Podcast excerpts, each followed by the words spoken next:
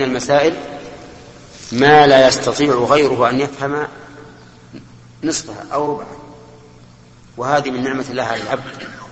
إذا فتح الله له باب الفهم واستدل بالآية بمنطوقها ومفهومها وإشارتها ولازمها فإنه يحصل على خير كثير.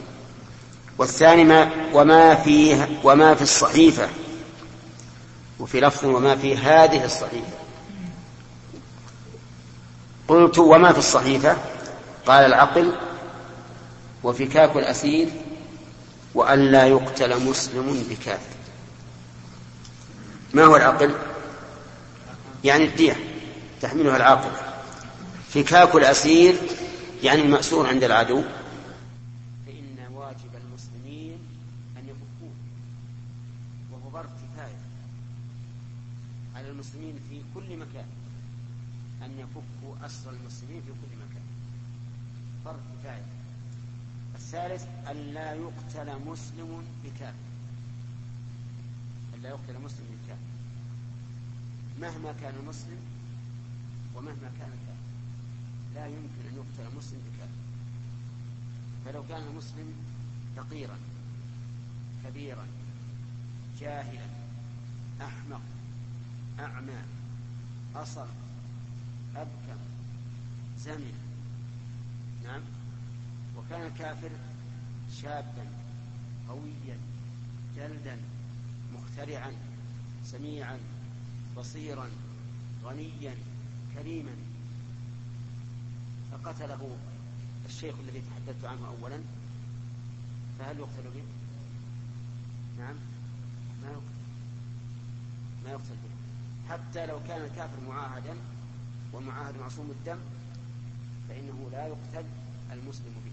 لا يقتل المسلم بالكافر والعكس. ها؟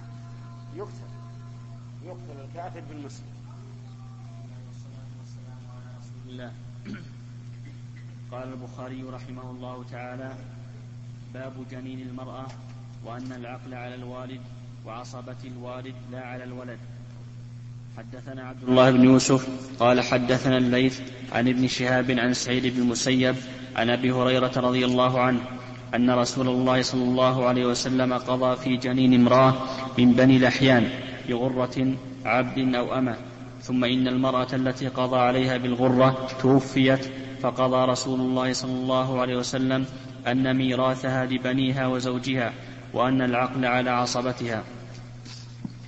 وحدثنا أحمد بن صالح قال حدثنا ابن وهب قال حدثنا يونس عن ابن شهاب عن ابن المسيب وأبي سلمة بن عبد الرحمن أن أبا هريرة رضي الله عنه قال اقتتلت امرأتان من هذيل فرمت إحداهما الأخرى بحجر بحجر قتلها وما في بطنها فاختصموا إلى النبي صلى الله عليه وسلم فقضى أن دية جنينها غرة غرة عبد أو وليدة.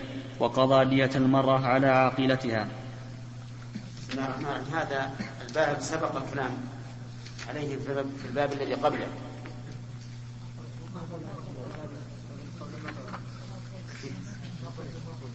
نقل؟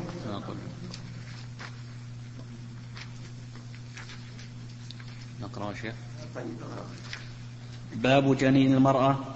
حدثنا عبد الله بن يوسف قال أخبرنا مالك وحدثنا إسماعيل قال حدثنا مالك عن ابن شهاب عن أبي سلمة بن عبد الرحمن عن أبي هريرة رضي الله عنه أن امرأتين من هذيل رمت إحداهما الأخرى فطرحت جنينها فقضى رسول الله صلى الله عليه وسلم فيها بغرة عبد أو أمة. وحدثنا موسى بن إسماعيل قال حدثنا وهيب قال حدثنا هشام عن أبيه عن المغيرة بن شعبة عن عمر رضي الله عنه أنه استشارهم في إملاص, في إملاص المرأة فقال المغيرة قضى النبي صلى الله عليه وسلم بالغرة عبد أو أمة. قال ائت من يشهد معك. فشهد محمد بن مسلمة أنه شهد النبي صلى الله عليه وسلم قضى به. وحدثنا عبيد الله بن موسى عن هشام عن أبيه أن عمر نشد الناس. من سمع النبي صلى الله عليه وسلم قضى في السقط. وقال المغيرة أنا سمعته قضى فيه بغرة عبد أو أمة. قال ائت من يشهد معك. من يشهد معك على هذا. فقال محمد بن مسلمة أنا أشهد على النبي صلى الله عليه وسلم بمثل هذا. وحدثني محمد بن عبد الله. قال حدثنا محمد بن سابق. قال حدثنا زائدة. قال حدثنا هشام بن عروة عن أبيه أنه سمع المغيرة بن شعبة يحدث عن عمر أنه استشارهم في إملاص المرأة مثله. هذا هذا البابان في بيان دية الجنين. دية الجنين غرة عبد أو أنا. وسمي غرة لأن المملوكات أعلاها وأشرفها بنو آدم. المملوك من بني آدم. فلهذا سمي العبد أو الأمة سمي غرة لأنه أنصع ما يكون من المملوكات وأشرفها وأعظمها. ولكن الفقهاء رحمهم الله قيدوا هذه الغرة بأن تكون قيمتها خمسا من الإبل. يعني ليست الغرة ذات الماء القيمة الغالية ولكنها تكون قيمتها خمسا من الإبل فإن لم يوجد غرة بهذه القيمة فإننا نعدل إلى خمس من الإبل. هذا هو المشهور من مذهب الإمام أحمد بن حنبل رحمه الله. وأما الأحاديث فالقصة وقعت بين امرأتين من هذيل اقتتلتا فرمت إحداهما الأخرى بحجر. فقتلتها وما في بطنها. فقضى النبي صلى الله عليه وسلم في الجنين بغرة وقضى بدية المقتولة على عصبة القاتلة. أما الغرة فإنه قضى بها على القاتلة.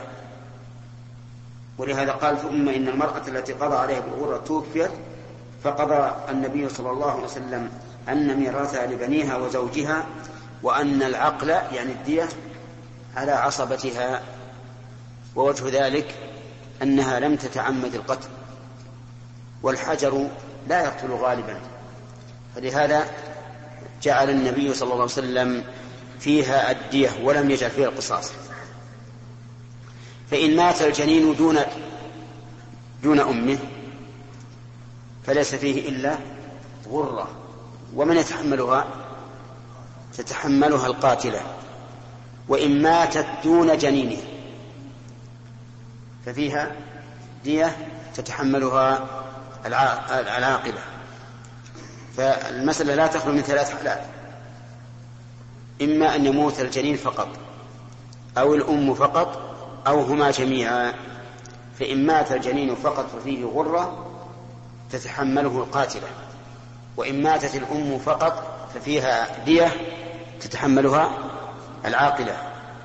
وإن مات الجنين وال وال والأم ففي الجنين غرة تتحملها القاتلة. وفي أمه دية تتحملها العاقلة. وفي قصة المغيرة بن شعبة رضي الله عنه فيه إشكال. وهو أن عمر بن الخطاب رضي الله عنه طلب من يشهد معه مع أنه أخبر أن النبي صلى الله عليه وسلم قضى بذلك. والمعروف عند أهل العلم أن الرواية يكفي فيها خبر رجل واحد لأنها خبر ديني. فكيف طلب أمير المؤمنين من المغيرة من يشهد معه؟ والجواب عن ذلك أن يقال إما لأن عمر بن الخطاب رضي الله عنه متردد في هذا لسبب أو لآخر وإما لأنه أراد أن يزداد يقينا وثباتا. فلذلك طلب شاهدا آخر على سبيل الاحتياط لا على سبيل الوجوب.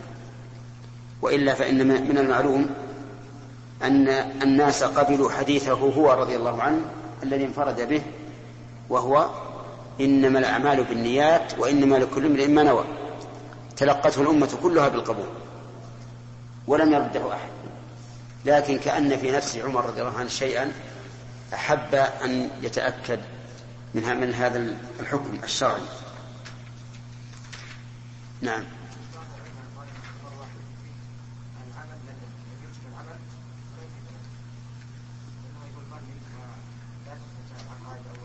هذا هذا الأصل أصل فاسد. لأننا كما قلنا لكم سابقا نفس العمل يحتاج إلى ان يصحب بعقيده أنت لن تعمل عملا تتعبد به الا الا وأنت تعتقد أنه من شرع الله وأنه من الوحي من الوحي. هذه عقيدة. أبدا فرق. كل ما أوجب العمل أوجب أوجب العقيدة نعم لكن إذا كان إذا كان الواحد ثقة أمينا أليس الأمة تلقاه بالقبول؟ كل الأمة تقبله.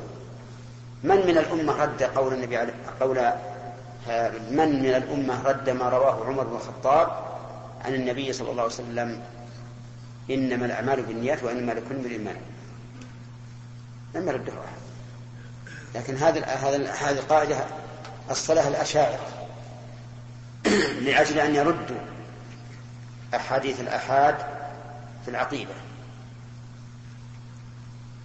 نعم. يعني الأشاعرة وغيرهم من علماء الكلام. نعم.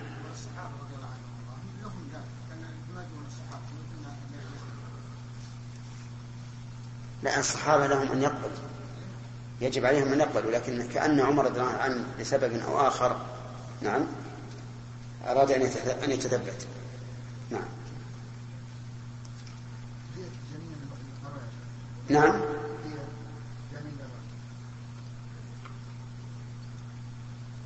دية جنين الأمة ودية أمه القيمة لأن الإماء والعبيد حكمهم في الضمان حكم الأموال لأنهم يملكون بالبيع والشراء. نعم. باب من استعان باب من است... باب من استعان عبدا أو صبيا ويذكر أن أم سليم بعثت إلى إلى معلم الكتاب ابعث إلي غلمانا ينفشون صوفا ولا تبعث إلي حرا. حدثني عمرو بن زرارة قال أخبرنا إسماعيل. إبعث إلي غلمانا. نعم. ينفشون صوفا ولا تبعث إلي حرا. حدثني عمرو بن زرارة قال أخبرنا إسماعيل بن إبراهيم عن عبد العزيز عن أنس رضي الله عنه قال لما قدم رسول الله صلى الله عليه وسلم المدينة أخذ أبو طلحة بيدي فانطلق بي إلى رسول الله إلى رسول الله صلى الله عليه وسلم فقال يا رسول الله إن انسا غلام كيس فليخدمك. قال فخدمته قال فخدمته في الحضر والسفر. فوالله ما قال لي لشيء صنعته لما صنعت هذا؟ لما صنعت هذا هكذا؟ ولا لشيء لم أصنعه لما لم تصنع هذا هكذا؟ قول المؤلف باب من استعان عبدا أو صبيا. يعني هل يجوز أن يستعين عبدا بدون إذن سيده؟ أو صبيا بدون إذن وليه وإذا فعل ذلك فحصل عليه تلف فهل يضمن أو لا يضمن؟ هذا خلاصة هذا الباب. نقول لا يجوز أن يستعين عبدا بغير إذن سيده لأن العبد مملوك ومال فكما لا يجوز لك أن تنتفع بإناء الرجل فإنه لا يجوز لك أن تنتفع بمملوكه وعبده لأنه ملك إلا بإذنه. وكذلك الصبي لا يجوز أن تستعمله إلا بإذن وليه. إلا بإذن وليه. إلا أنه يستثنى من ذلك ما جرت العادة به في استخدام الصبيان. فإن ذلك لا بأس به لأن الإذن العرفي كالإذن اللفظي كالإذن اللفظي. فإذا كان من عادة الناس أن يستعينوا بالصبيان في مثل هذا فلا بأس. ولنضرب بهذا مثلا ولما لا يجوز مثلا. لو استعان صبيا لينزل في البئر يخرج ما سقط فيها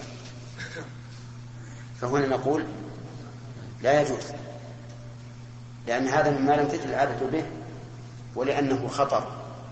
فلو فعل وتلف الصبي بهذا النزول فهو ضامن ولو استعان صبيا ليعطيه عصاه الذي سقط منه وهو راكب على الراحلة. فأعطاه إياه فإن هذا جائز لأن ذلك جرت به العادة. فالمدار في هذه المسألة على ما جرت به العادة ويترتب على الحل والحرمة مسألة الضمان. فمتى حرم؟ ثبت الضمان. ومتى أبيح؟ لم يثبت الضمان إلا أن يكون هناك اعتداء أو تفريط. ثم ذكر أنه ذكر بصيغة التمريض أن أم سليم بعثت إلى معلم الكتاب ابعث إلي غلمانا ينفشون صوفا. ولا تبعث إلي حرا. الغلمان يعني العبيد المملوكين. وينفشون الصوف يعني يفلونه والصوف كما تعرفون يكون متراكما ويكون منتفشا فهي أرادت أن ينفشوا هذا الصوف ولكن تقول لا ترسل إلي حرا. وذلك لأنهم كانوا يأنفون أن يستخدم الحر. ولا يرضى أولياؤه بذلك. لكن العبد لا لا يأنفون أن يستخدم. فلهذا احترزت رضي الله عنها إذا صح الأثر. ثم ذكر حديث أنس بن مالك رضي الله عنه أن أبا طلحة وهو زوج أمه لما قدم النبي صلى الله عليه وسلم المدينة ذهب به إلى إلى النبي صلى الله عليه وسلم. وقال له إن أنسا غلام كيس. كيس يعني جيدا فطنا ذكيا سريع الاستجابة. فليخدمك اللام للأمر هنا لكن ليس المراد به الأمر بل المراد به العرض. يعني فأنا أعرض عليك أن يخدمك. قال فخدمته في الحضر والسفر.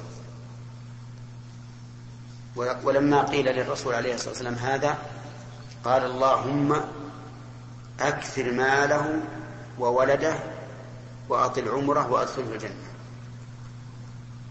فوجد ثنتين كثر ماله وولده وطال عمره والجنة إن شاء الله أنها مضمونة له.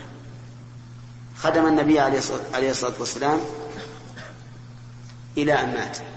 ثلاث عشرة سنة. حضرا وسفرا.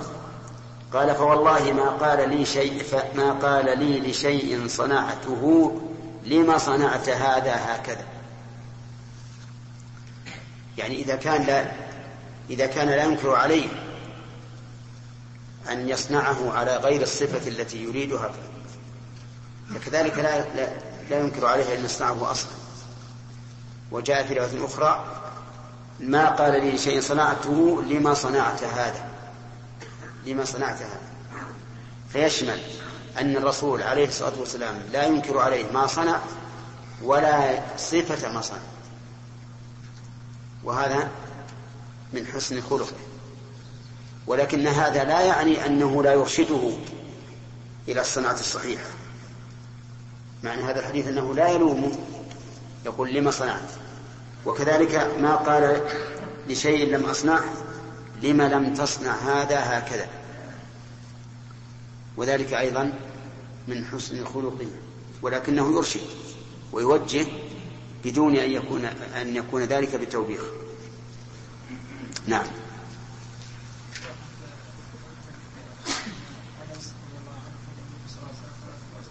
نعم.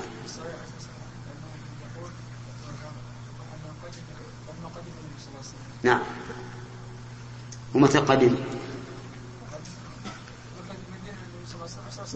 ثلاثة عشر سنة. ثلاثة عشر سنة. كيف؟ نعم نعم. أنا أنا أنا وهمت. أنا وهنا مكة في مكة 13 سنة وفي المدينة 10 سنوات. نعم. بارك الله فيك. نعم.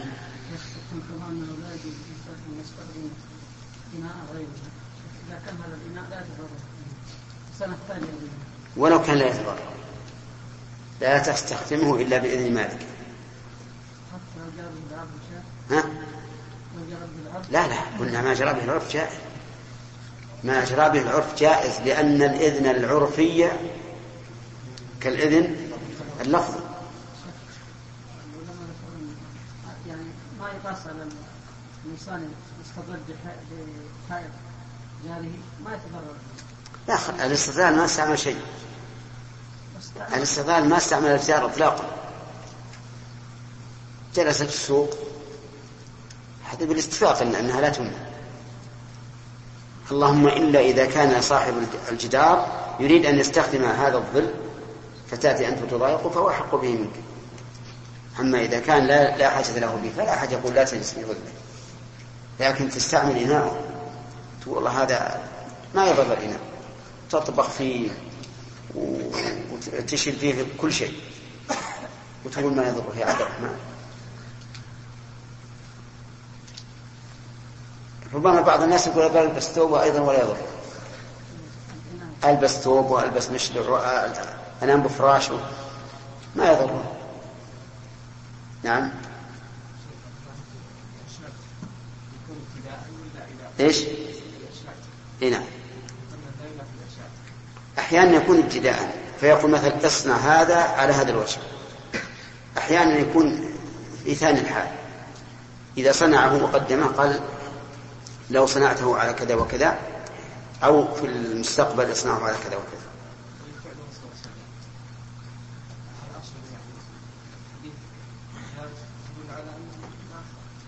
إيه ما قال هكذا لأنه ما, ما, ما له داعي يتكلم في شيء آخر. ويريد أنه ما وبخه أبدا. ولا لا شك أن الرسول سيهديه لما, لما هو أحسن. لكنه معناه يريد أنه لم يوبخ بخلاف غيره. غير الرسول ربما يوبخه ويضربه أيضا. نعم.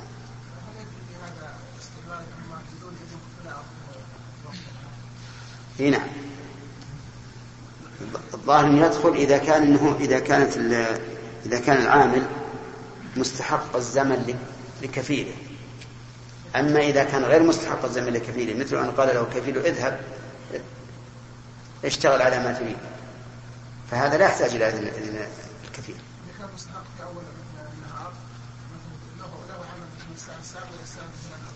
هذا ما ما أستخدمه إلا بإذن صاحبه إلا بإذن صاحبه بعد الخامسة أستخدمه بغير إذنه بشرط أن لا يكون هناك نظام يمنع. لأن كان فيه نظام يمنع من استخدام المكفولين في غير وقت عملهم فلا يجوز أن انتهي هذا النظام. نعم. باب المعدن جبار والبئر جبار. حدثنا عبد الله بن يوسف قال حدثنا الليث قال حدثنا ابن شهاب عن سعيد بن المسيب وأبي سلمة بن عبد الرحمن عن أبي هريرة رضي الله عنه أن رسول الله صلى الله عليه وسلم قال العجماء جرحها جبار. والبئر جبار والمعدن جبار وفي الركاز الخمس. نعم. العجماء ما هي العجماء البهيمة. وسميت عجمة لأنها لا تتكلم. وقوله جرحها جبار يعني يعني إذا جرحت فجرحها جبار.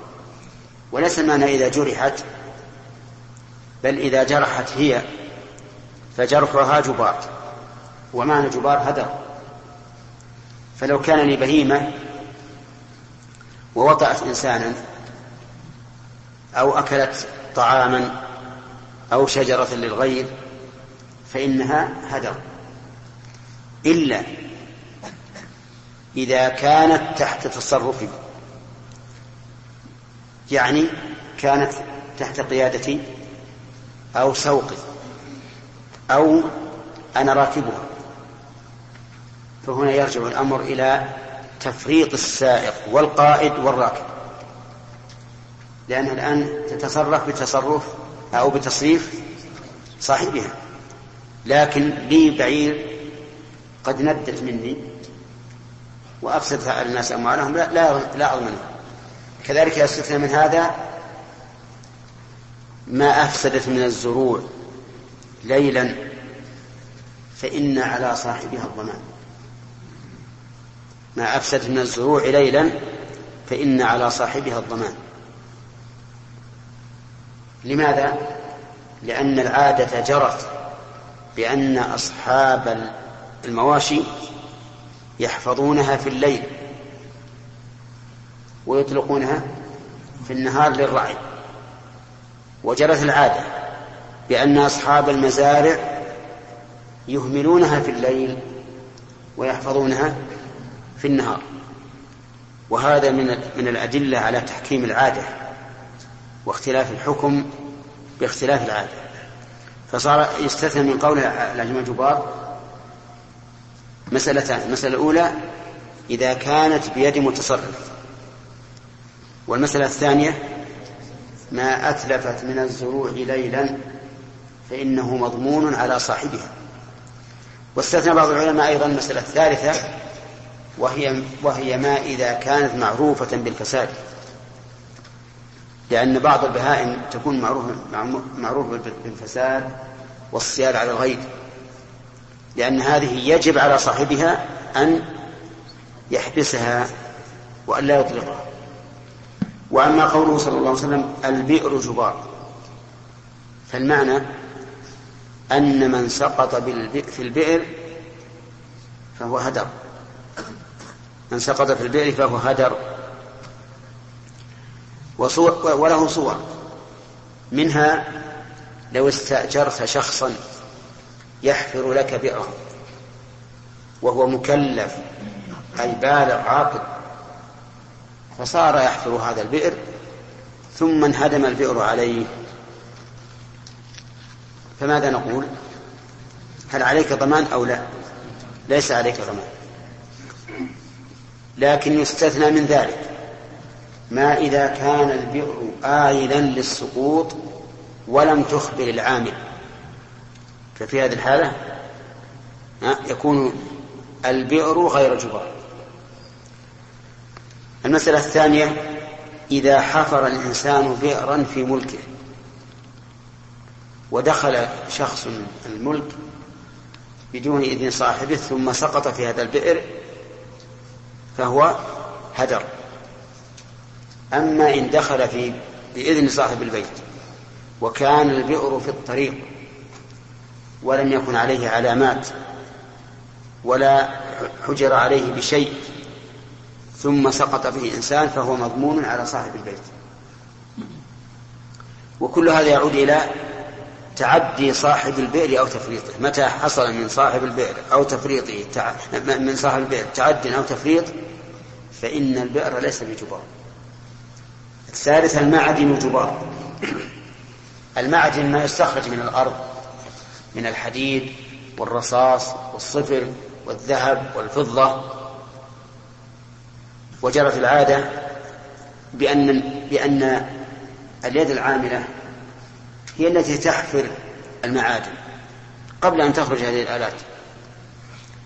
فإذا استؤجر شخص على أن يحفر عن هذا المعدن ثم هلك بذلك فهو هدر بشرط أن يكون بالغا عاقلا.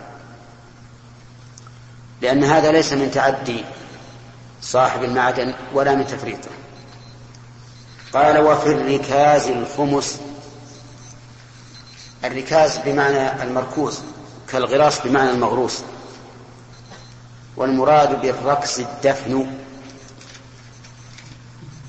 وعليه فيكون الركاز يعني المدفون. هذا الركاز. المال المدفون إذا لم يكن عليه علامة بأنه لأهل العصر الحاضر يسمى ركازا يسمى ركازا مثل أن نعلم أن هذا نعم مثل أن نعثر على دراهم مركوزة مدفونة ونعلم أن هذه الدراهم من سكة من سكة عبد الملك بن مروان سكة بني أمية. هل في احتمال أن تكون لأهل العصر الحاضر؟ لا بعيد جدا. هذه يقول فيها الرسول صلى الله عليه وسلم إن فيها الخمس. الخمس. ولك ولك أنت أيها الواجب أربعة أخماس. ولكن أين يصرف الخمس؟ أيها الإخوة وبنهاية هذه المادة نودعكم ونلقاكم إن شاء الله في إصدارات قادمة. مع تحيات مؤسسة الاستقامة الإسلامية للإنتاج والتوزيع في عنيزة. رقم الهاتف والفاكس صفر ستة ثلاثة ستة أربعة خمسة ثمانية ثمانية صفر. ورقم صندوق البريد اثنان